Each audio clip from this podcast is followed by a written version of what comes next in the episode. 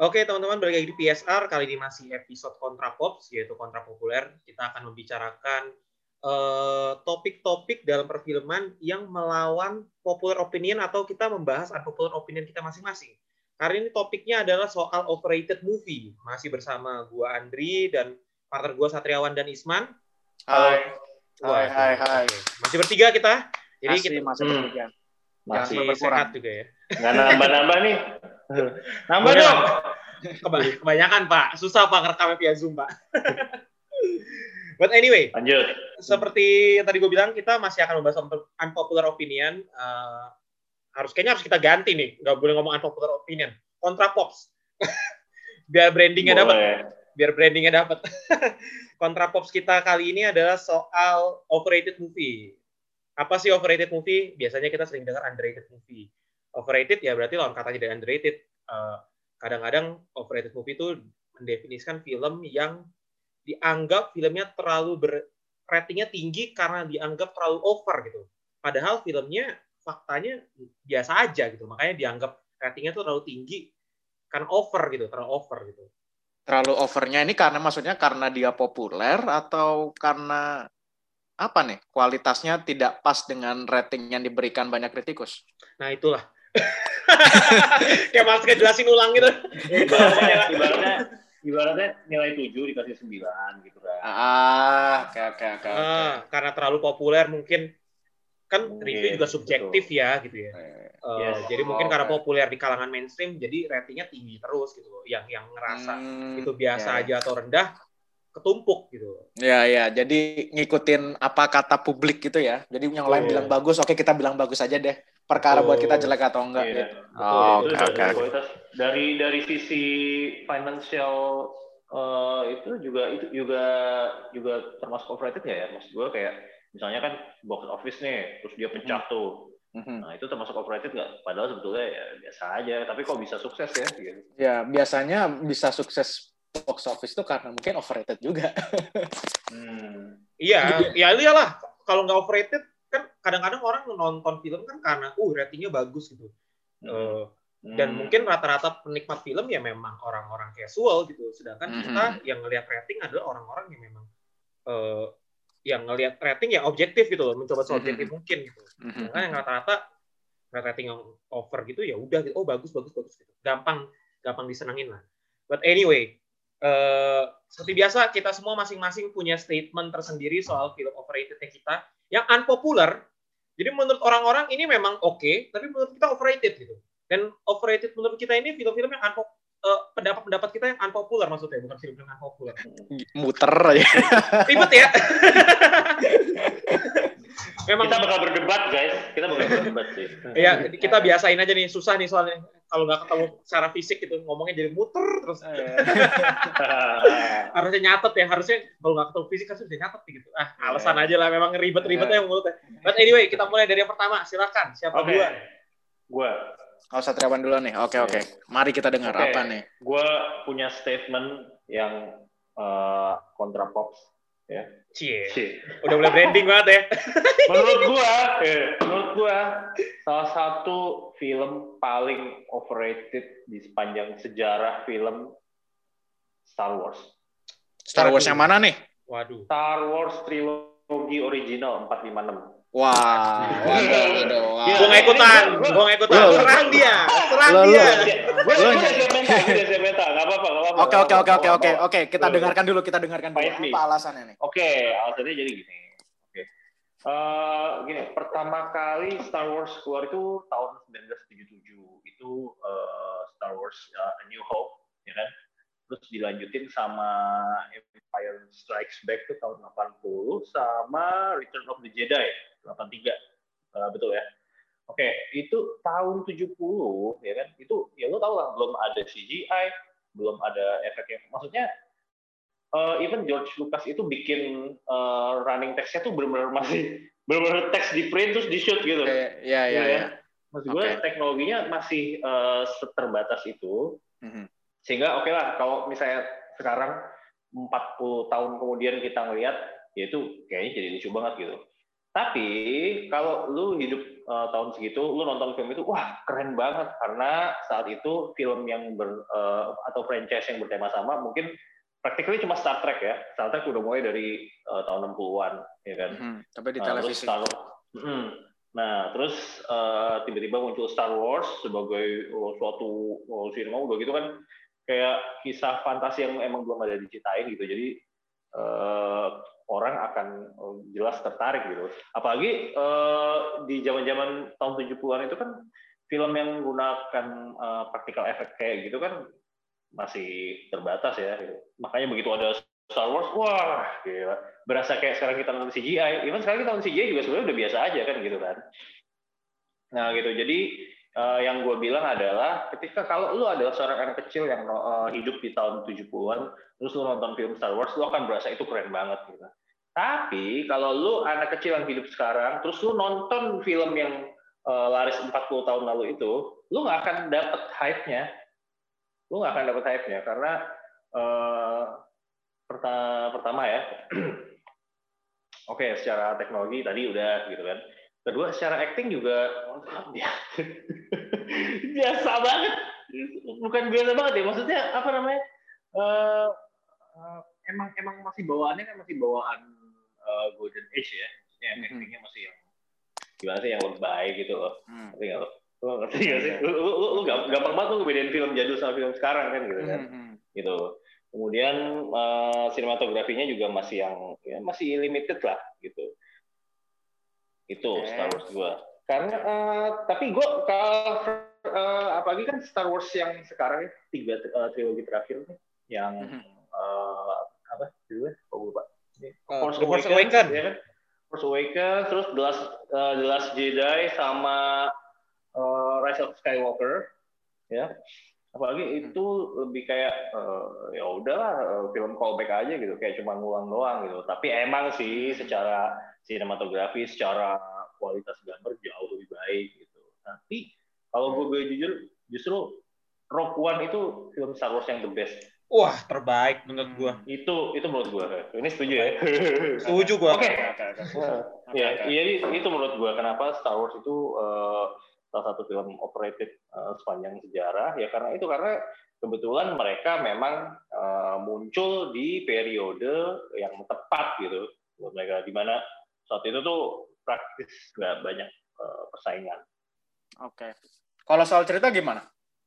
Kalau soal cerita sebetulnya sih cukup menarik karena eh, menurut gua itu itu benar-benar salah satu cerita adventure yang benar-benar ya gimana ya kayak lu nonton eh, kayak ini kayak petualangan cowboy tapi di luar angkasa gitu kan gitu itu itu malah itu yang yang bikin sebenarnya tadi kan sebelum Harrison Ford ya Mhm.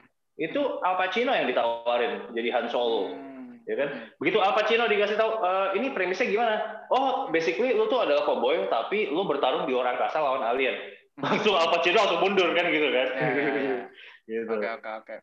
Oke, berarti sebenarnya di sini alasan lo ini overrated-nya saya lebih ke soal CGI sama kemudian yang dua lagi soal acting ya. Jadi situasi Iya, situasional betul. ya, Ah, overrated. ah, ah, jadi eh, gua gua lebih eh, kalau misalnya maksudnya kalau misalnya cerita ya sosok lah gitu. Maksudnya eh, apa dia kreatif gitu. Tapi kalau eh, eh, CGI dan eh, kualitas acting ya, ya itu lebih ke situ sih. Sebenarnya sih secara, secara cerita pun sebetulnya gue agak gimana ya maksud gue eh, kalau gue bandingin sama Star Trek ya gitu. Star Trek kan eh, semuanya eh, calculate, calculated dan eh, bisa dijelaskan secara sains gitu maksudnya kayak eh, rap dan segala macam gitu kan.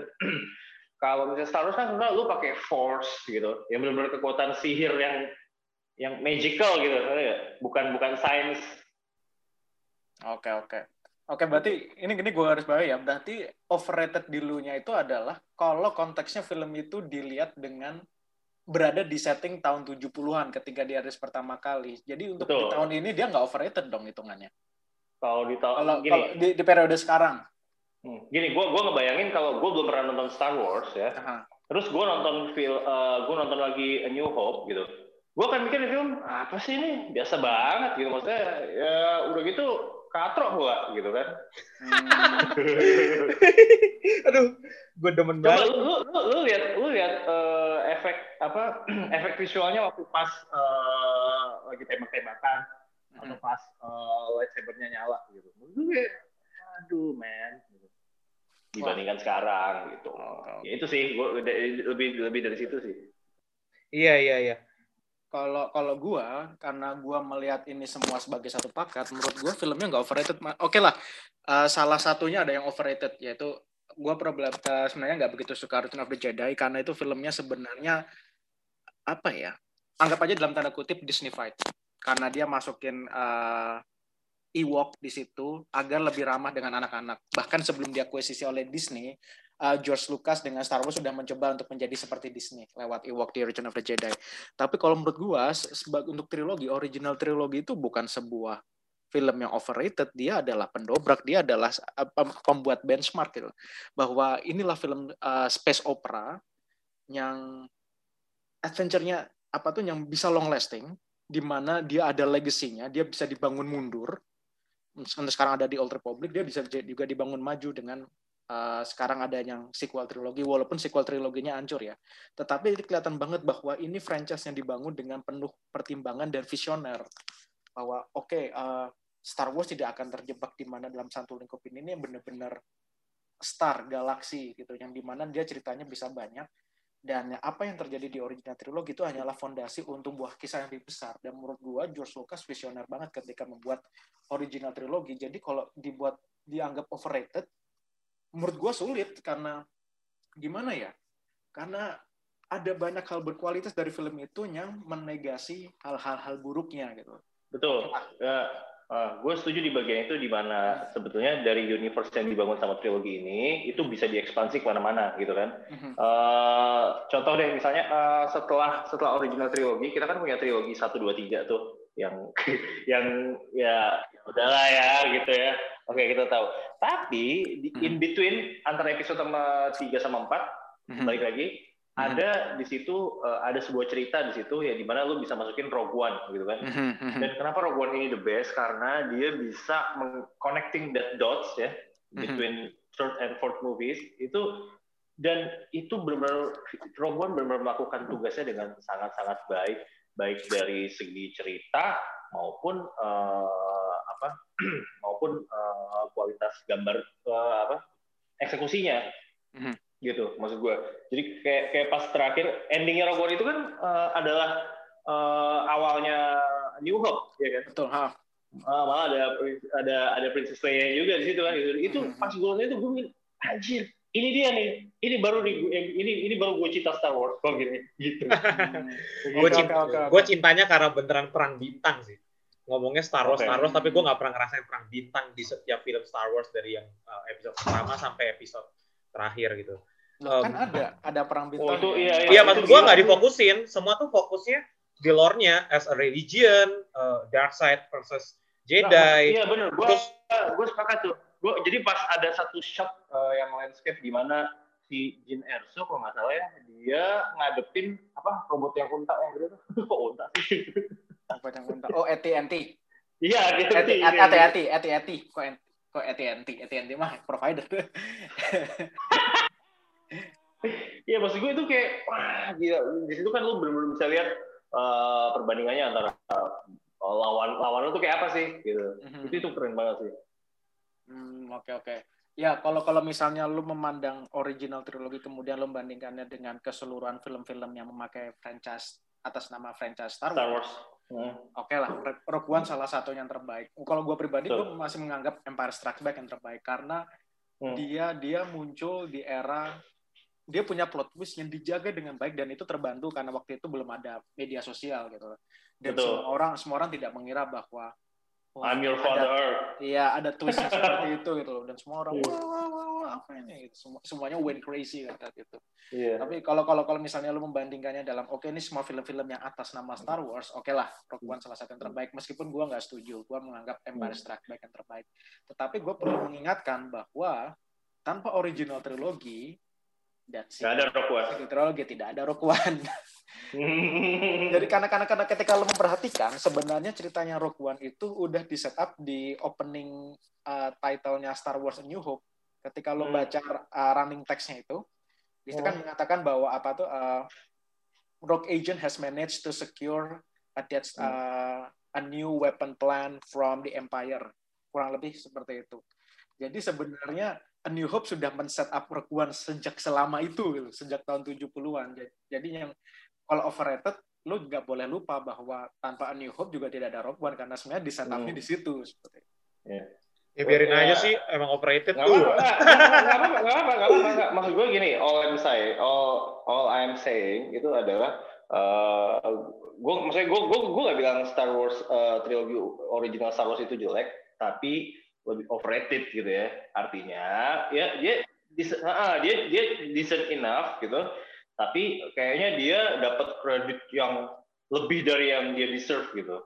Gitu aja sih. gue gue ngerti kenapa lu bilang overrated. Jadi sebenarnya tuh Hmm. gue pernah nonton dokumenter gitu dari Vice eh, soal Oke. Star Wars.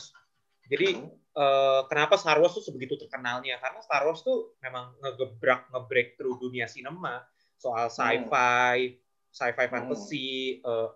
Udah gitu dia kan bikin dunia baru gitu kan Betul, betul. Baru. Terus- Ah, dia mencipta benar menciptakan dunia baru Iya. gitu bukan bukan bukan hal-hal yang bisa lo lihat di sekitar tiap hari gitu betul betul karena karena dia Ah. mengambil konsep space gitu, space yang pada Betul. saat itu belum rame gitu. belum banyak mengambil konsep space dan sebenarnya yang perlu diapresiasi adalah desain desainnya itu, art desainnya. betul mecha Hmm. desainnya, Hmm. monster desainnya, Jedi, Yep. Jedi, Jedi itu kan sebenarnya Jedi itu kan sebenarnya referensi dari ini kan dari samurai dan segala macam gitu. Iya. Eh, sebenarnya kalau lu pengen tahu lore-lore-nya tuh mereka nggak banyak ngambil referensi dari dari Jepang dari apa gitu. Eh, Hmm. Terus salah satu salah satu yang sebenarnya ngegebrak mungkin karena eh, Star Wars adalah film blockbuster sehingga Yep. ketika pertama kali orang-orang nonton populer ya film blockbuster kan banyak yang nonton ya. Ketika Hmm. nonton orang, wih gila keren, ini visioner banget eh, di space, bener-bener Hmm. ngebuat desainnya keren terus masuk akal. Padahal kita tahu nggak akan ada nggak akan ada Star Wars kalau nggak akan kalau nggak ada 2001 Space Odyssey Oh Stanley iya kan. Kubrick. Special DC yes Heeh. Yang empat tahun betul. di awal. begitu jadi jadi jadi kenapa Star gue gue mengerti kenapa Star Wars overrated menurutku ini ini menurut yang dari dokumenter itu ya sebenarnya Star- Hmm. buat dia dia bilang gini sebenarnya yang perlu diapresiasi dari Star Wars original adalah eh, dis- art desainnya doang sisanya tuh just okay soal space mereka ngambil dari Space Odyssey mereka terinspirasi dari situ. Terus soal eh, lore religion segala macam mereka ngambil dari mana? Ini eh, kayak Jedi apa segala Oh. macam mereka ngambil dari lore, lore Japanese dan segala macam mitologinya ini mitisismenya mereka comot-comot gitu. Jadi by design Hmm. story wise plot lore dan segala macam just okay. Tapi art desainnya itu itu wow gitu. Itu mereka mereka perlu diapresiasi. Kenapa overrated ya karena dia blockbuster gitu. Orang-orang nggak nonton Odyssey orang-orang nggak nonton film Jepang Asia yang eh, underrated mungkin. Orang-orang taunya Star Yes, Wars yes, yes. yang ngegebrak Betul, gitu. Karena film-film itu nggak nggak nggak sepopuler itu gitu. Jadi gue mengerti eh, kenapa di device itu mereka bilang Star Wars tuh cukup overrated gitu. Jadi gue kadang jadi gue kinda mengerti kalau misalnya lu bilang overrated gue gue setuju nggak setuju gitu. Tapi nggak apa-apa konklusinya adalah konklusinya adalah fandom Star Wars eh, silakan namanya Satriawan Wiguna dicari saja. Serang dia. Cancel dia. kontra pop man kontra pop man cancel dia cancel cancel. Oke that- so uh, that's it dari gue Star Wars. Oke Star Wars ya. Next next next. Masih banyak nih Oke, perlu oke. diperdebatkan Oke, gua- giliran gue ya, giliran gue ya sekarang ya. Oke, oke. Dika Oke, gue gua udah berkontemplasi soal apa yang ingin gue katakan ini. gue dari tadi mikir apa sebaiknya dan gue oke gue memantapkan bahwa menurut gue film yang overrated adalah Frozen. You wanna build a snowman? Enggak, men. Enggak bisa, men. Lu gila. Pertama. Tadi lo udah gede statement dulu. Enggak bisa, men. Lo gak bisa ngomong gitu di tunggu, depan. tunggu, tunggu. Gue harus jelasin dulu. Harus. Oke, oke. Menurut gue, yang bagus dari Frozen, dan gue yakin lo juga setuju, adalah cuman musiknya. Enggak, men. Enggak, enggak, enggak. Enggak bisa. Enggak terima gua. yang bagus dari Nah, lanjut, lanjut, cuman, lanjut. cuman musiknya dan itu pun cuman karena sering diputar makanya orang-orang jadi uh, ingat dengan musiknya Let It Go, Love Is an Open Door, uh, Do You Want to Build a Snowman itu sangat terbantu sekarang karena kita di era media sosial yang di mana lagunya bisa diputar putar dan terus menerus dan akhirnya orang menjadi menganggapnya sebuah lagu yang klasik sama klasiknya dengan lagu-lagu Disney sebelumnya. Meskipun menurut gua banyak lagu-lagu Disney klasik yang lebih jauh lebih bagus seperti itu. Dan menurut gua sendiri Frozen itu ceritanya oke okay lah. Uh, gue tidak mengatakan klise it can be better. Cuma menurut gua ada banyak-banyak hal yang aduh uh, sebenarnya ini kayak bad story writing pertama mereka tidak punya villain yang benar-benar jelas dengan motivasi yang kuat. Oke, okay, villainnya adalah Hans. Tapi hampir tiga per 4 film dia tidak pernah terlihat.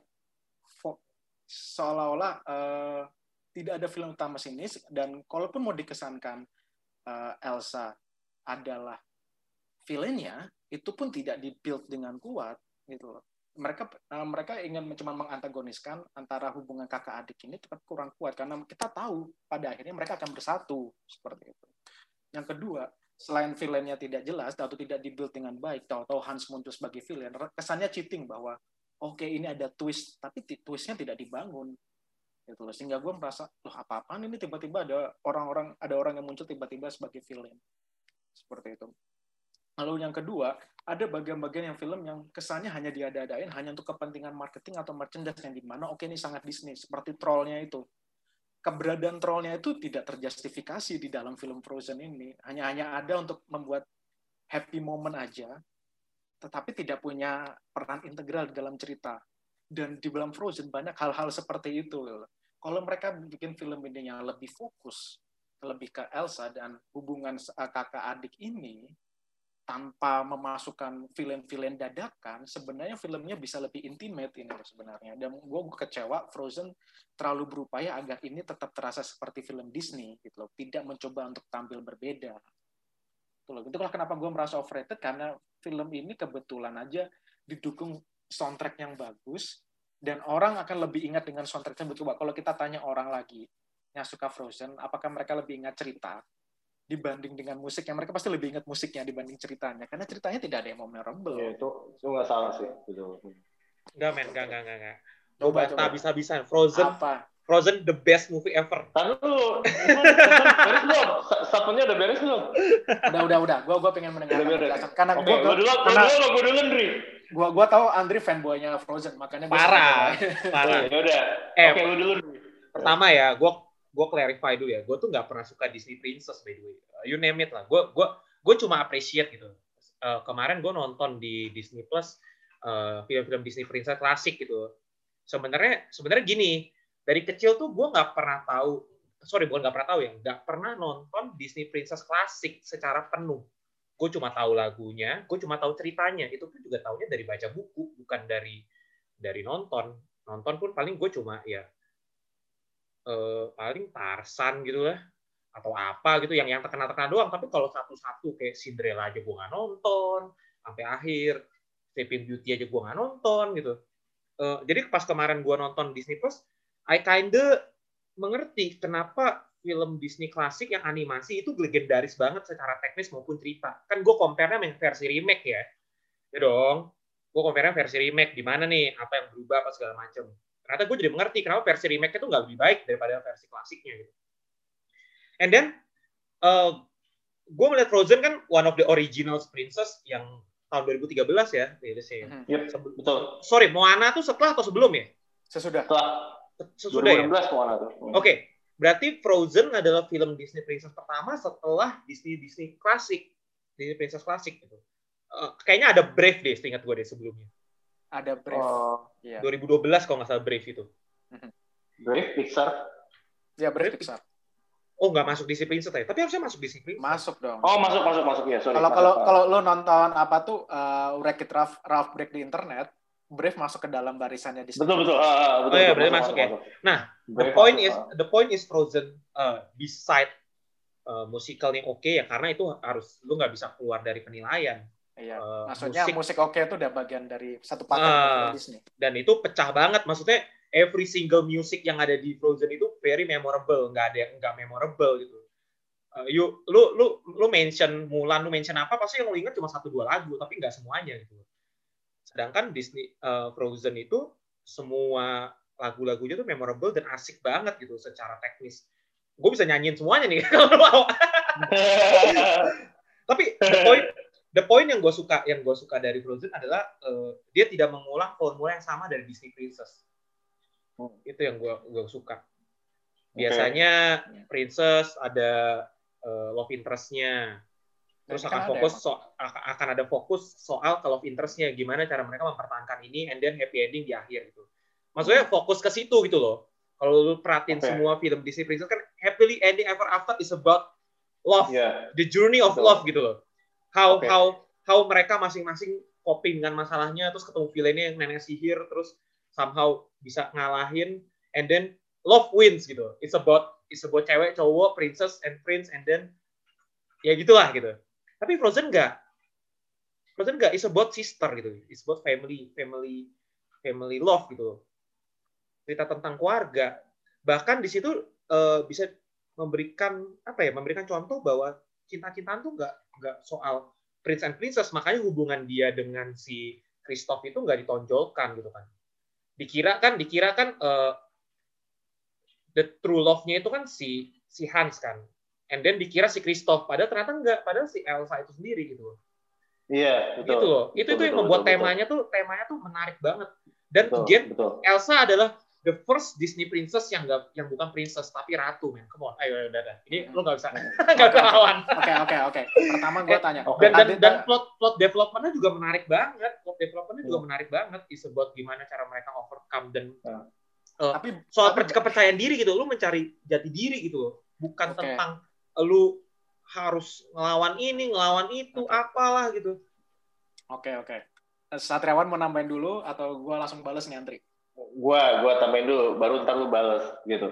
Oke, okay, uh, eh, uh, eh, lanjutin dari Andri bilang tadi, gue setuju banget. Jadi Frozen itu sebetulnya breakthrough, uh, terutama dari sisi karakter, karena benar. Jadi selama ini emang lu taunya Disney Princess adalah lu uh, ada bahkan di rough break the internet aja disebutin kan, apakah lo lemah dan lo ditolong sama pria kuat kan kayak gitu kan? Ada uh, kalau iya betul Disney Princess gitu artinya itu kan itu kriteria standar Disney Princess yang udah ditetapkan selama uh, beberapa dekade gitu kan. Tapi hmm. Frozen hmm. itu berani keluar dari stereotip itu gitu. Artinya hmm. uh, nggak butuh uh, Prince Charming untuk bisa uh, menyukseskan sebuah film gitu kan. Hmm. Bahkan gue pernah nulis ini uh, di beberapa bulan yang lalu di salah satu artikel itu waktu kita di uh, apa di Kumparan.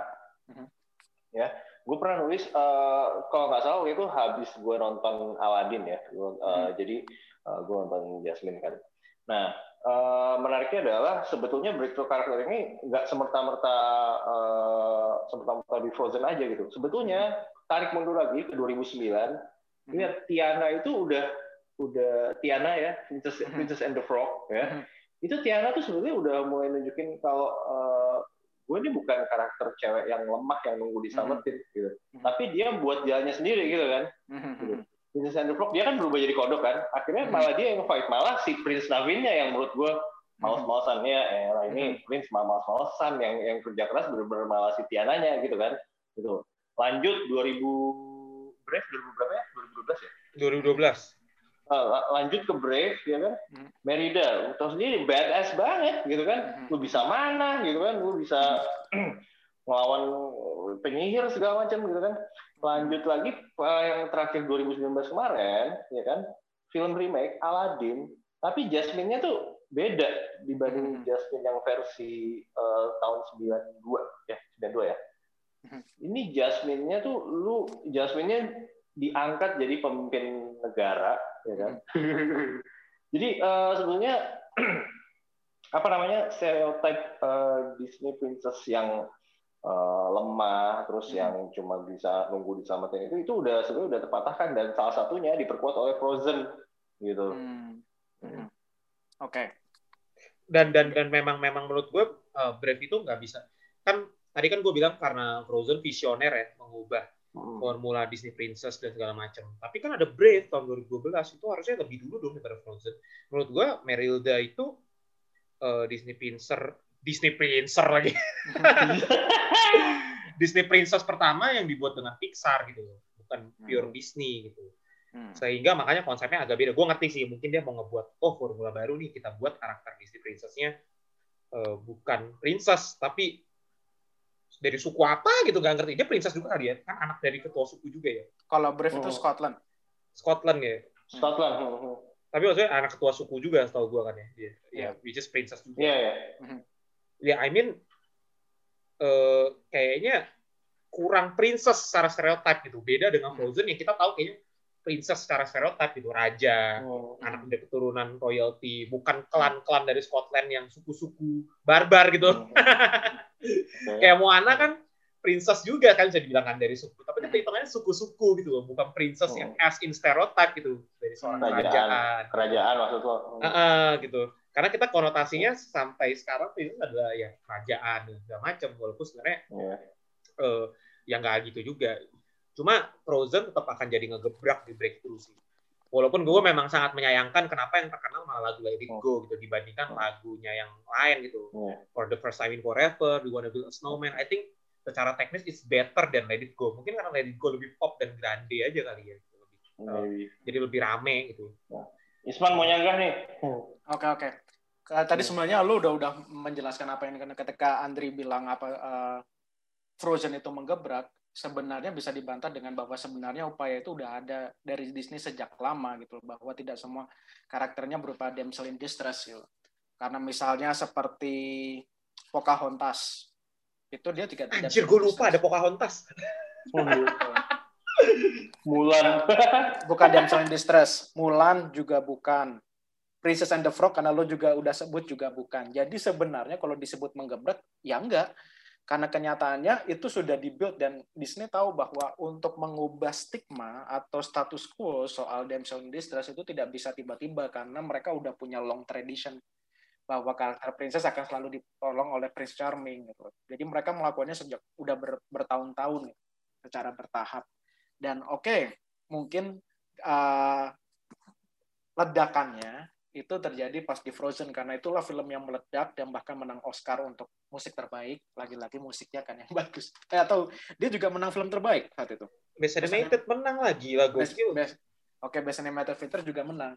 Cuman gue gue selalu menang kalau Oscar itu hampir udah untuk animated tuh udah pasti di plot Disney yang kayak outliersnya tuh cuman Into the Spider Verse dan itu pun ada semi Disney-nya juga di situ Tapi gue mau mengatakan pada Disney bahwa tidak benar bahwa uh, disruption-nya itu atau penggebraknya ada pada di Frozen, tetapi sebenarnya udah ada sejak lama gitu, sejak tahun 90-an dengan Mulan, dengan Pocahontas, di mana karakter-karakternya mulai dibuat untuk bukan damsel in distress. Bahkan kalau kita mau pakai ditegaskan ke pembatasan yang dipakai Andri soal harus putri raja, kita bisa lihat ke film Atlantis yang di mana tidak ada Prince Charmingnya sama sekali, tetapi ada karakter perempuannya di situ yang uh, gue lupa namanya princess siapa, pasti gue search nih. Tapi gue gue Atlantis. Atlantis, Atlantis The Lost Empire. Oh oke okay, oke okay, oke okay. yang kartun. Hmm. Atlantis The Lost Empire itu tidak ada Prince Charmingnya. Oke ada ada romansnya di situ, tetapi bukan antara Prince Charming dan seorang putri ataupun seorang ratu, tetapi adalah seorang peneliti dengan seorang satu uh, seorang princess, seorang putri seperti itu. Tapi lu jangan lupa, men. Mereka mau ngegebrak formula-formula Disney Princess kalau filmnya jelek mah jelek aja gitu loh. Enggak, gue gue sini gue cuma mem, apa tuh sekarang saya gue berbicara soal yang tadi bilang nggak ada gebrakannya gitu bahwa gebrakannya udah ada sejak lama gitu loh Betul. sejak Pocahontas sejak Mulan gitu bahkan Mulan lebih lebih kelihatan lagi gitu loh payahnya seperti itu oke kalau bicara kualitas kalau menurut gua terlalu banyak plot hole di dalam film Frozen itu. Kayak misalnya uh, Elsa, Elsa ber, berdikurung gitu, diisolasi berlama-lama. Kalau menurut gua tuh mestinya normalnya dia udah sakit jiwa itu dikurung lama. Ya elah, lu mau ngebawa logika-logika kayak gini ke film, kamu on. Loh, lo ini gitu, kita, kita bicara. Loh, kita, kita, kita, kita, kita lagi. Ini sama aja kayak nanya neneknya Elsa tuh siapa gitu. Loh ya enggak dong. Kita kan kita bicara soal kenapa film ini overrated kan. Dan gue akan bilang uh. ada hal-hal yang plot hole di situ. Iya yeah, benar. Misalnya okay, kayak soal, yeah, yeah. soal kenapa Elsa baru tahu bahwa dia penyebab winternya. Ketika Anna beritahu mestinya dia udah tahu bahwa dia yang menyebabkan gitu loh. Jadi ada hal-hal yang bolong yang tidak dijelaskan yang membuat film ini tidak sebagus yang dikatakan orang-orang. Lu nggak bawa itu. logika orang dewasa ke film anak-anak itu salah lu. Lo enggak, Iya. gue gak bawa logika orang dewasa, gue bawa logik secara umum. Bener sih. Sekarang kalau kalau bicara logik, lu coba film up itu mungkin nggak sih lu bom, lu ngangkat rumah pakai balon kan Nggak gitu. mungkin. Tetapi dalam cerita, walaupun itu fiksi, itu ada hal-hal yang logis gitu loh, yang bisa, oh kayak gue nangkep ini tidak ada plot hole-nya, bahwa ceritanya sebuah ini di setup seperti ini logis, terkesan Benar. logis. Perkara presentasinya terlihat tidak logis. Ya kayak Nah, semua karena film.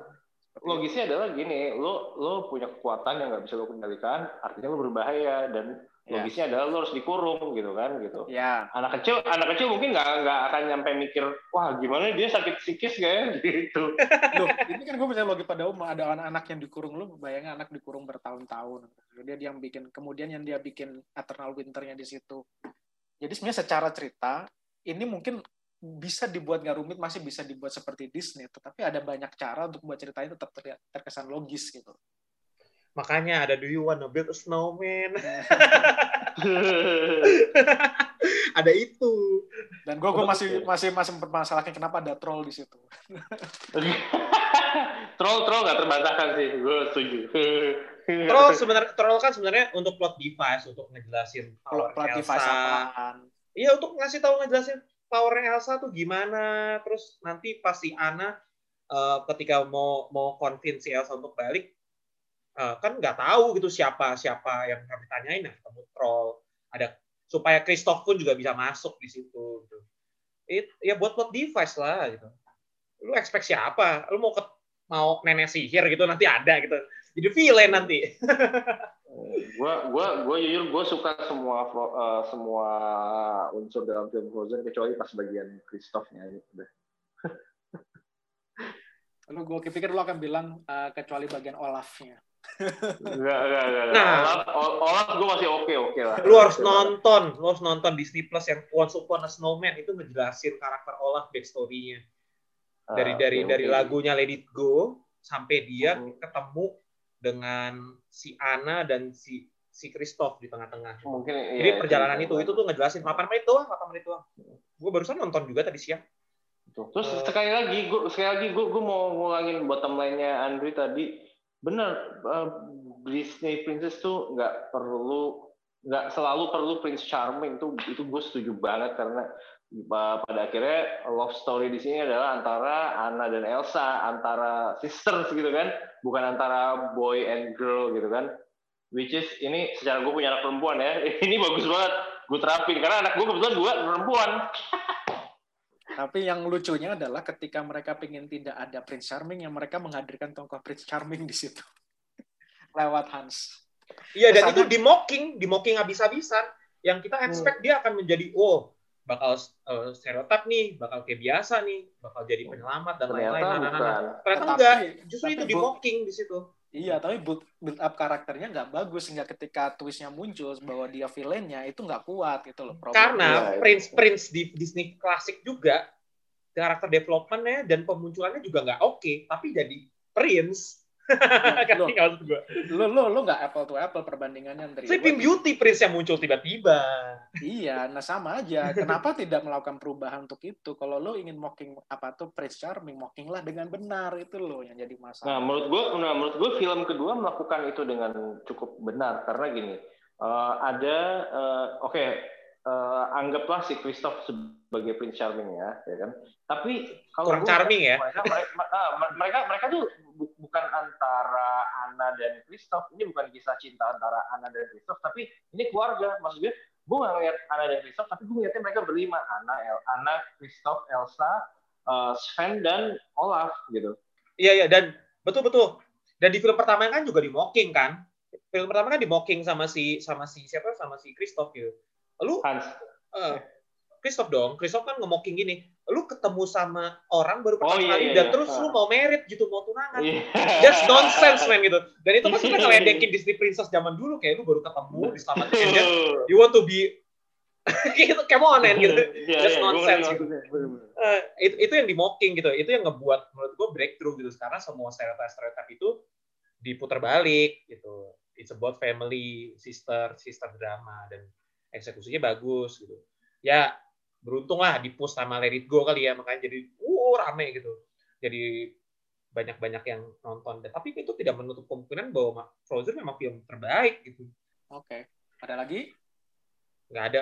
Udahlah kalah dan lalu nggak bisa bantah gue gue nggak merasa kalah di sini. Lu, lu tidak meyakinkan gue bahwa gue salah gitu. Gue merasa oh ya. Lu lu cuma mencoba apa tuh kontra dengan pandangan gue mungkin untuk ukuran seumuran lu untuk ukuran seumuran lu lu harus punya anak kali ini, ini, ini bicara itu itu itu argumen yang menurut gue gak masuk akal nih. ini ini ini ini. Ini ad itu gak... udah ad hominem yang nyerang personal. Ini ad hominem nyerang personal. Anjir. nyerang personal. Oke, okay, anyway, uh, eh, okay, sekarang lanjut. statement gue yang terakhir. Menurut gue film yang overrated adalah Endgame, Avengers Endgame. oh parah, overrated abis itu. Lu literally lu lu lo menyerang film, film literally film tersukses sepanjang sejarah lu serang men. Teruntung box office sepanjang sejarah tapi menurut gue itu overrated. Parah menurut gue overrated banget. Oke okay, your statement. Oke. Okay. hasil kulminasi 20 film lebih. Ekspektasi gue tinggi dong apalagi ngelihat Infinity War kemarin be gokil gitu loh. Dark tone-nya terus kepecah-pecah jadi tiga grup. Uh, action sequence yang oke, okay, porsinya juga pas, ya nggak pas juga sih karena uh, bagian Captain Amerika dan yang lain-lain juga cuma perang di Wakanda, tapi menurut gue udah pas gitu loh perangnya gitu, nggak terlalu banyak yang di show off gitu. Gue mengerti yang di show off memang yang part of uh, timnya si Iron Man and the Gang. Bahkan sebenarnya kan bisa bisa nge-push Strange dan yang lain-lain untuk lebih oke, okay, cuma kayaknya dibagi-bagi perannya nih. Dan gue suka pecah-pecah tempatnya tuh gue suka gitu. Kayaknya somehow pas dan cara ketemunya masing-masing tuh enak gitu loh. Iron Dari Man Galaxy ketemu Iron Man, ya. uh, itu kayaknya pas gitu. Ketemunya enak. Ya, ya.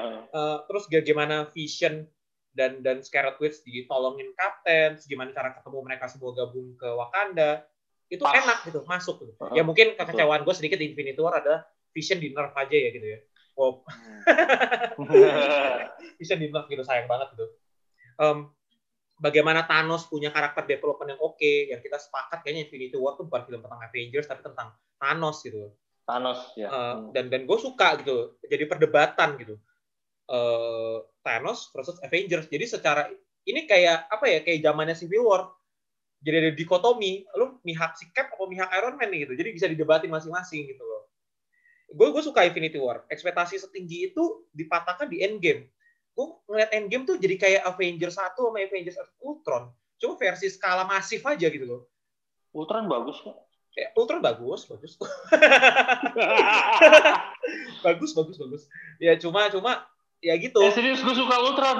Gue suka, serius. Ultron bagus sama. Ultron bagus, it oke, okay, itu bisa kita bahas nanti ya gitu. Iya, iya, oke. tapi tapi maksudnya Endgame tuh cuma sekedar kayak udah ini fan service aja gitu. Lu lu mau apa? Ya? Mau ini gua kasih lu mau apa ya? Lu mau ini gue kasih gitu. Oke, okay, sekarang yang lo harapin dari Endgame tuh kayak apa sih sebetulnya? Maksud gue, lu maunya Endgame tuh gimana sebetulnya? Action sequence yang beda, bukan sekedar ngumpulin semuanya jadi satu, terus ngeluarin saling tunjuk, uh, semuanya saling nunjukin super powernya, gebok-gebokan.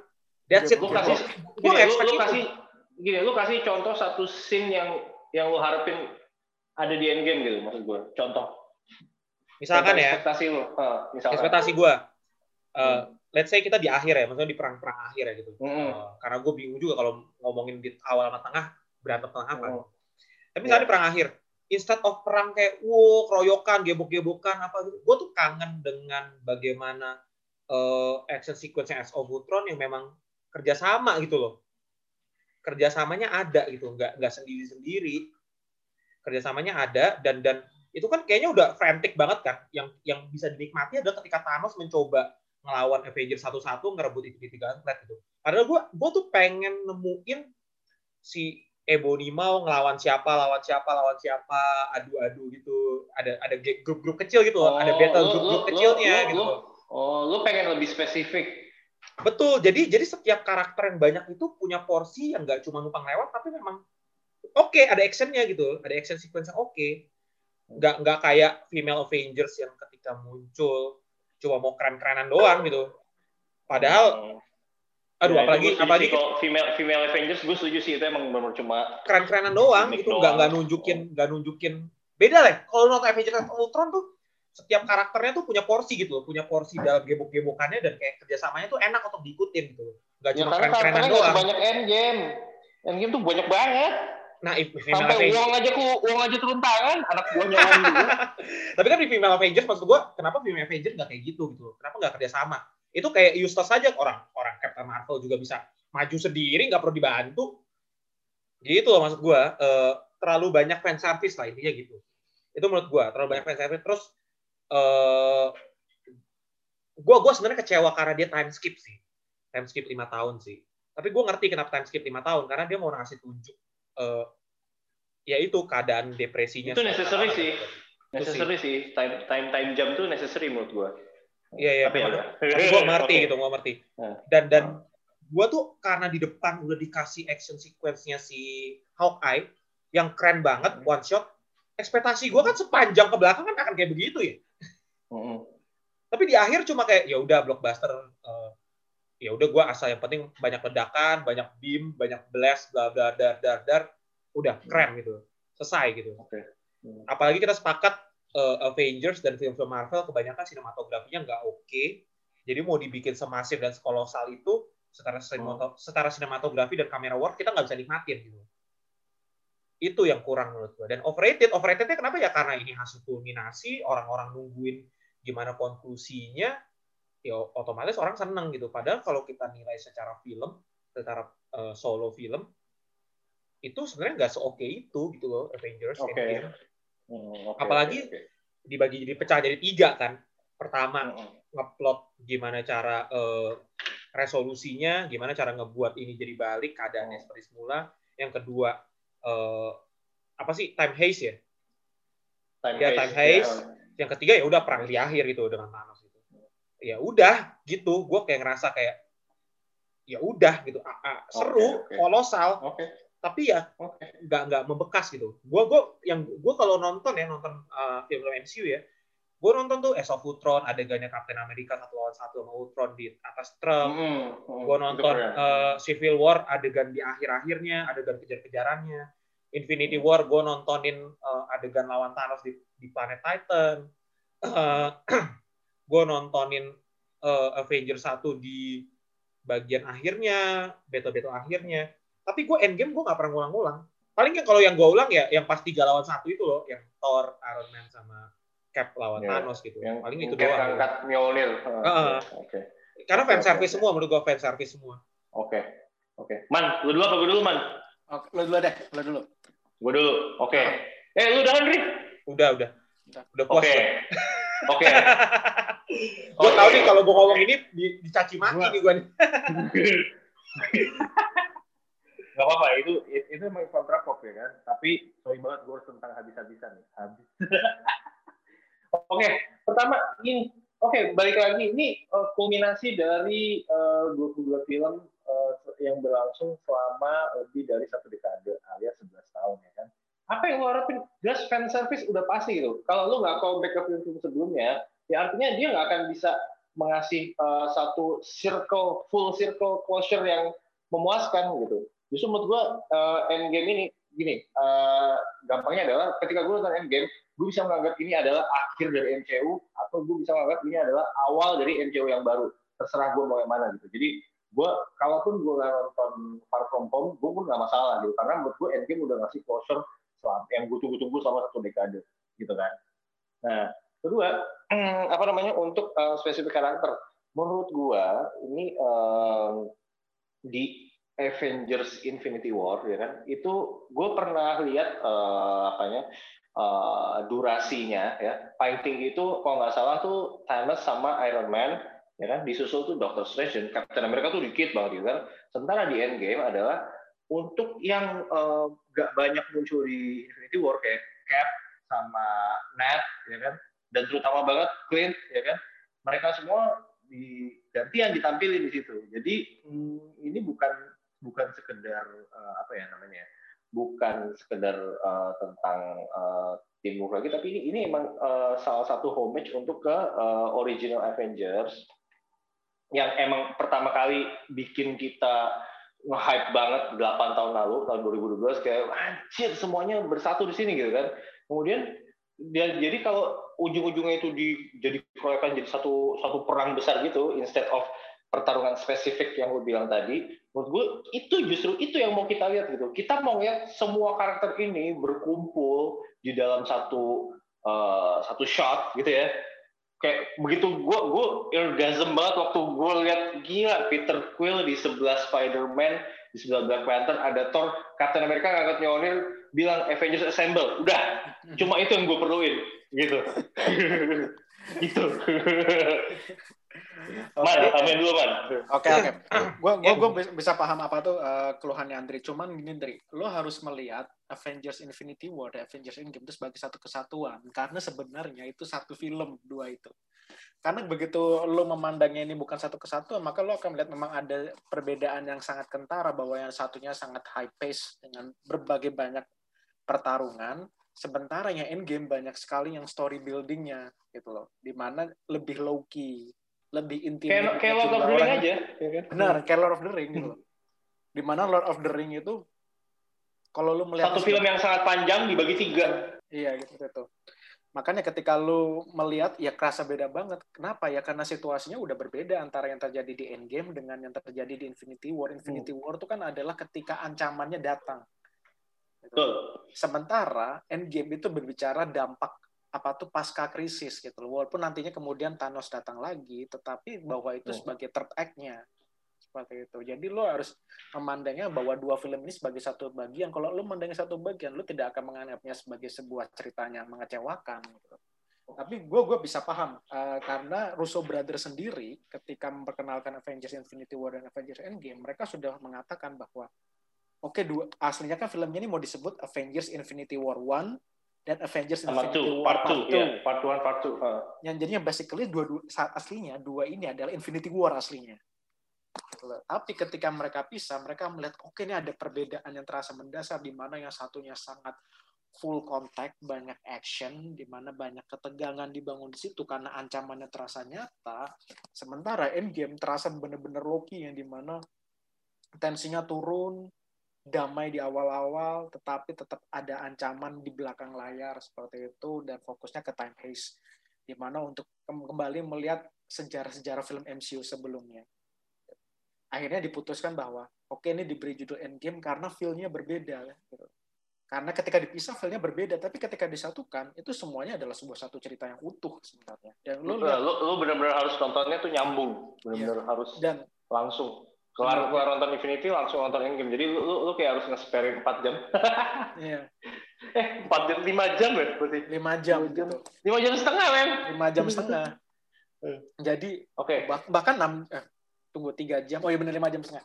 Uh, dan itu uh, ketika diproduksi ini diproduksi sebagai satu film gitu loh jadi mereka memang membayangkannya ini sebagai satu film kemudian dibagi dua walaupun kemudian back to back hmm. back to back gitu loh hmm. kecuali ini dibuat pakai model trilogi ada film kedua film ketiga film keempat oke okay, mungkin memang ada pilihan gitu. Iya, jadi produksi film satu ke produksi film dua bisa kayak setahun dua tahun gitu. Iya, seperti itu. Jaraknya. Ini sementara back to back gitu. Iya, iya, iya.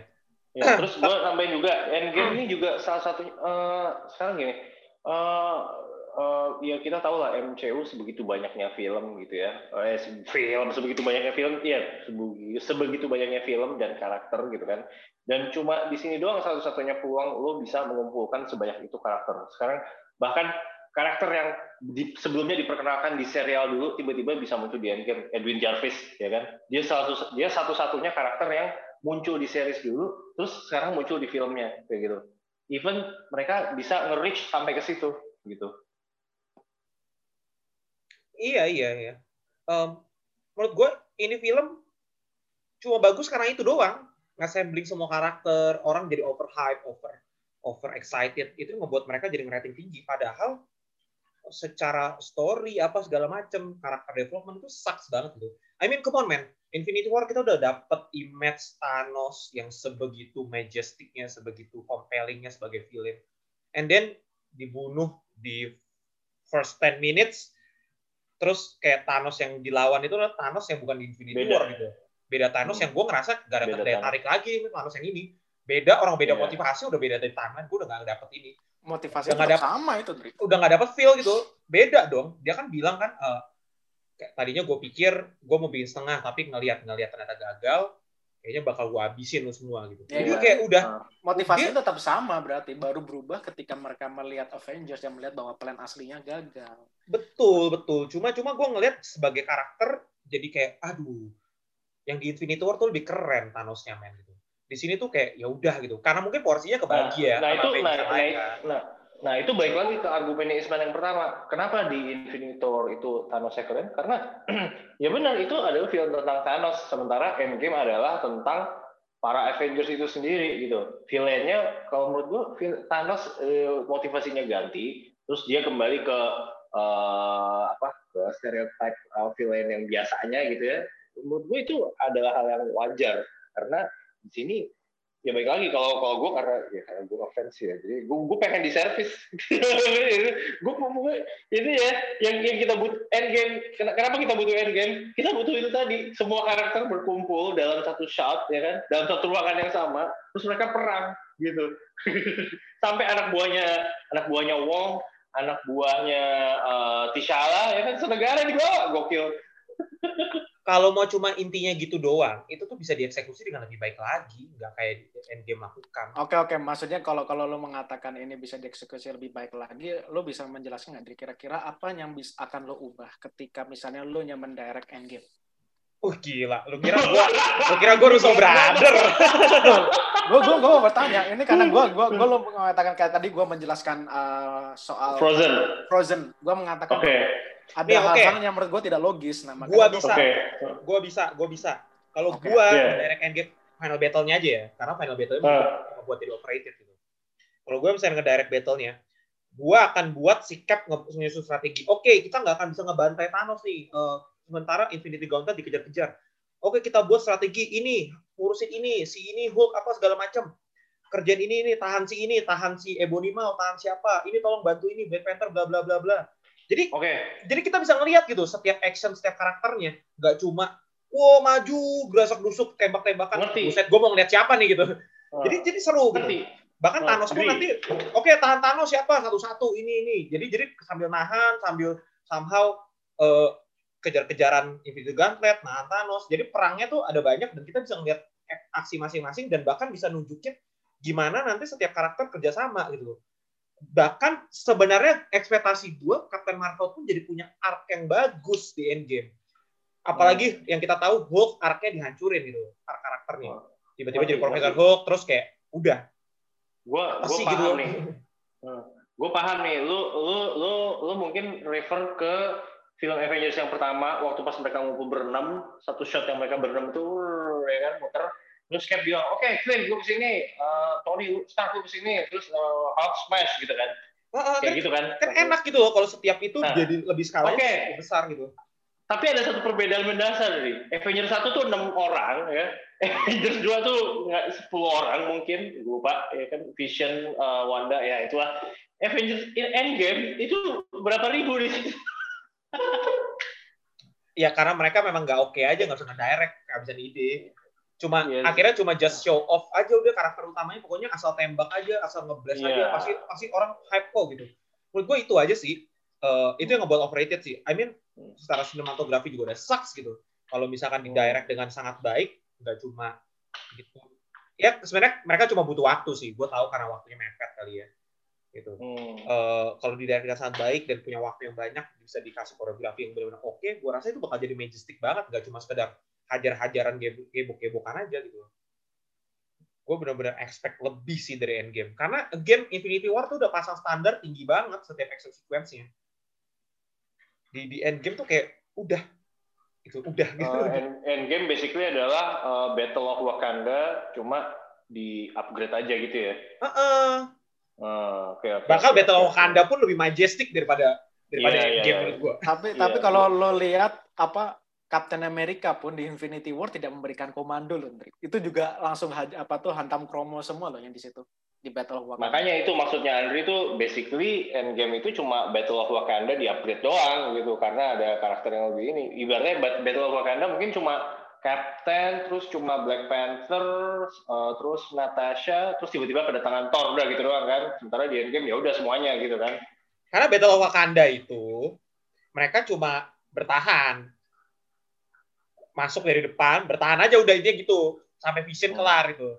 Makanya ketika ternyata oh ada yang muter balik, cabut kan langsung semua mundur mundur mundur gitu. Itu doang sampai Thor sih sebenarnya sampai Thor datang sih. sampai Thor datang sih. Eh, tapi memang karena Infinity War fokusnya nggak ke situ gitu. Infinity War, Infinity War tuh fokusnya ke, ke si timnya Iron Man and the, and the game. Di Endgame gue expect bakal bakal eh, peran porsi original six-nya otomatis banyak dan yang lain-lainnya punya porsi sedikit tapi tetap eksekusinya bagus. Ekspektasi gue tuh seperti itu sebenarnya. Tapi ternyata di sini cuma ya udahlah. Kayak gue gua kayak ngerasa kalau yang bikin film tuh kayak ngerasa ya udah kita buat fan service udah pasti udah pasti laku kok ini film gitu. Kita kasih fan service gitu. Nggak perlu dimacem-macemin gitu. Ya gitu deh akhirnya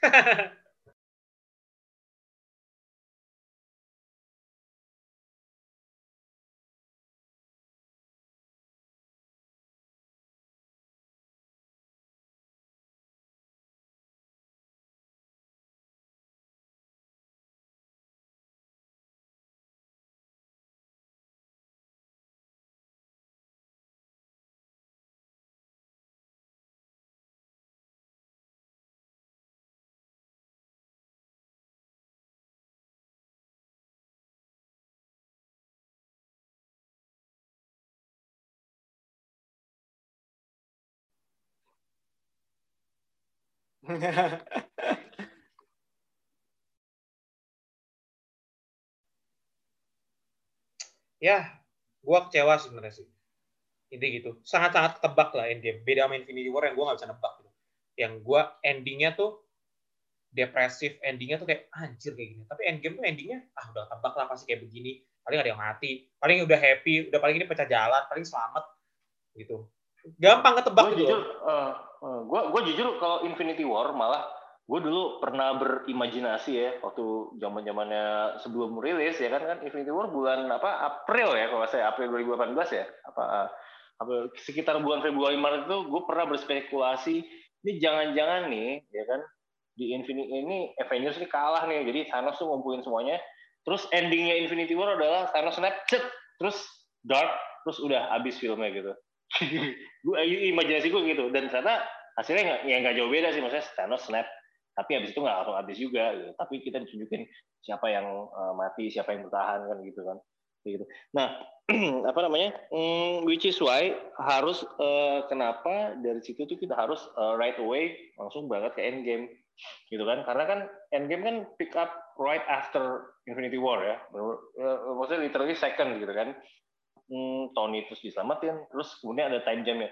Nah di sini gue gue gue boleh bilang gue setuju sama Henry. Gue juga kaget waktu pas lihat, anjir, kok ada time jam gitu kan? Lima tahun kemudian gitu kan, lu lu shock gak pas itu? Gitu, itu iya gue kayak males lu. banget kayak ah ini mah menggampangkan banget gitu loh. Terus gue gue bener bener oke di situ gue setuju cuma setelah setelah kalau gue tonton lagi itu emang necessary kenapa karena di situ butuh waktu gitu. Maksudnya kayak uh, oke okay, uh, orang-orang butuh waktu buat move on.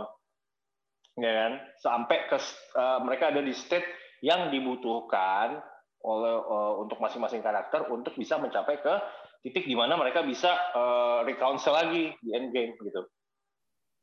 Hmm. Gue setuju sama Satriawan bahwa benar time jam itu necessary karena gini Ndri, itu tuh secara gue bicara lagi soal logika cerita ya. Ketika sebuah krisis sebesar uh, snap Thanos snap itu terjadi, lu pingin memperlihatkan bahwa apa dampaknya terhadap dunia. Lu nggak pingin ceritanya terfokus pada Avengers saja. Dan itu sebenarnya yang sangat bagus dari Avengers dibanding film-film dari tetangga sebelah seperti DC adalah mereka melihat dampaknya terhadap society. Lo lihat di Avengers pertama, kelihatan banget di situ dampaknya terhadap orang-orang yang ada di kota New York seperti apa. Anjir, lu lu bilang BVS Karena- dampak eh bentar, BVS dampaknya terhadap dunia lu nggak ngeliat tuh Superman jadi gak idol. Gila itu Nggak. nggak- kurang kurang dampak secara dunia apa tuh coba tuh? Ini yang gue ingin tunjukkan ke lu. Yang diperlihatkan adalah fokusnya di situ tetap pada Superman-nya kalau di film BVS ya. Ini supaya kita tidak melenceng. Kita kembali ke Avengers. Lo melihat di situ ada upaya untuk melindungi orang-orang yang ada di situ di New York gitu. Betul. Lo, lo ada Jadi- orang yang hidup di situ yang mencoba dilindungi. Jadi Terus gini, kemudian- kalau lu lihat, lu lihat waktu pas event di di five minutes pertamanya Endgame, di pas mereka bunuh Thanos, ya kan, sama eh, mereka setelah lima tahun itu beda banget. Karena di eh, 10 sampai 15 menit pertama sampai Thanos yang eh, dari Infinity War itu dibunuh, ya kan, dipenggal sama Thor gitu kan, itu semua karakter itu masih kayak kaget dan ah apa nih apa yang terjadi nih? gitu kan, Captain Marvel datang, kenapa semua orang pada hilang? gitu kan, Thor juga masih shock gitu kan, semua orang masih shock gitu kan. Mereka masih ada di state yang eh, mereka baru kalah gitu kan. Dan gimana caranya gue harus balik secepat mungkin gitu kan gitu kan. Makanya mereka begitu eh, begitu nyampe ke sana udah kita keroyok aja Thanosnya gitu padahal Thanos juga udah nggak nggak mau ngapa-ngapain lagi mau gue udah menang kok gitu kan Thanos Itu. yang asli ya, Itu War. development karakter Oke. menurut gue sia-sia. What if ternyata Thanosnya eh, cara-cara cara nge-recovernya nggak nggak dalam bentuk time travel. Oke, Wah, kalau karena- time karena- travel, misal sisakanlah Thanos yang Thanos yang sekarang gitu. Sisakanlah karena Thanos menurut gua, karena menurut gua Thanos Infinity War itu, Thanos yang dari Infinity War, arc-nya sampai di situ, sampai dia dipenggal, set mati udah gitu. Dia karena gini, dia ya, ya dia alien ya, dia bukan dia adalah eh, apa sih ras apa Eternals ya kan? Dia kan ras Eternals gitu. Dia dia nggak berpikir kayak manusia. Di mana dia tuh nggak takut mati. Dia mati ya udah, gua gua menjalankan misi dan ketika gua mati ya gua mati sebagai soldier dan das menjalankan misi gua kan kayak gitu. Tapi setelah time jam 5 tahun, semuanya berubah. Tiba-tiba Thor jadi gendut kan, Thor berusaha memaksa menerima keadaan, Cap juga sama, Ned juga sama, gitu. Jadi hmm, apa namanya itu uh, necessary karena untuk bisa sampai di state di mana uh, mereka bisa berkumpul lagi, regroup lagi, menyusun strategi lagi, gimana caranya kita bisa uh, bertindak nih setelah tiba-tiba kita nemu harapan setelah si, Scott secara ajaib tiba-tiba muncul lagi gitu. Ya, well, tetaplah overrated, overrated. Udah nggak bisa dibantah dah, overrated, overrated. Ini, ini sebenarnya dari tujuan ini kita tidak pernah menggunakan kata sepakat dengan apa yang pendapat kita masing-masing. Ini baru, berarti bener dong, sesuai dengan Ya, ya. visi misinya Kontra Pops dong. Sangat unpopular opinion. Ya, ya, ya. Tapi kayaknya Iya, gue iya. yakin deh yang ngomong yang bilang Avengers Endgame overrated itu nggak cuma gue doang nih. Ya sama seperti yang bilang Frozen overrated nggak cuma dua doang pasti. Berarti kita nggak unpopular dong. Waduh, gagal. But anyway, eh, ya udah gitu aja. Eh, kayaknya udah sejam lebih nih kita ngobrol seru banget sampai lupa waktu. Oke, eh, itu Kontra Pops episode kedua soal soal apa tadi overrated movie. Nanti nextnya kita akan coba cari topik-topik yang lebih seru lagi yang juga paling aktual. Siapa tahu ada yang topik terkini. Kayaknya feeling gue nih topik selanjutnya soal Oscar. Kita lihat nih Oscar 2020 ya nominasinya siapa-siapa aja ya. Nanti kita kita bahas soal itu. Oke, Atau, Thank you. Atau ya apa atau apa? atau soal ya nggak apa sih lu bisa overrated actor. Waduh, nanti deh kita ngomong ya. But anyway, uh, thank you uh, Satriawan, Isman. Thank you juga. Uh, Sama-sama. gua- seru, sama gua seru banget. seru, seru, seru. parah, parah. Apakah anda-anda yang mendengar ingat ikutan bergabung dengan kami live? Uh. But anyway, thank you udah dengerin sampai akhir. Uh, jangan lupa follow Instagram kita, jangan lupa juga follow podcast kita di Spotify. Kalau anda dengar ini jangan lupa di follow ya, gitu. jangan cuma dengerin aja, di follow juga dong. Terus juga uh, subscribe YouTube kita, uh, semua update update kita di sana. Teman-teman kalau mau ngasih rekomendasi topik podcast yang kita mau angkat, kontra pop apa, kalau misalnya topiknya general apa, mengundang siapa, bisa uh, DM Instagram kita. Oh ya, satu lagi, adlib sedikit. Jangan lupa beli official merchandise kita, sisa setengah nih, karena tidak akan pernah diproduksi lagi. Gitu. Oke, mantap. Terima kasih teman-teman. Sampai jumpa di podcast semuanya. Kontrapop selanjutnya. Dah.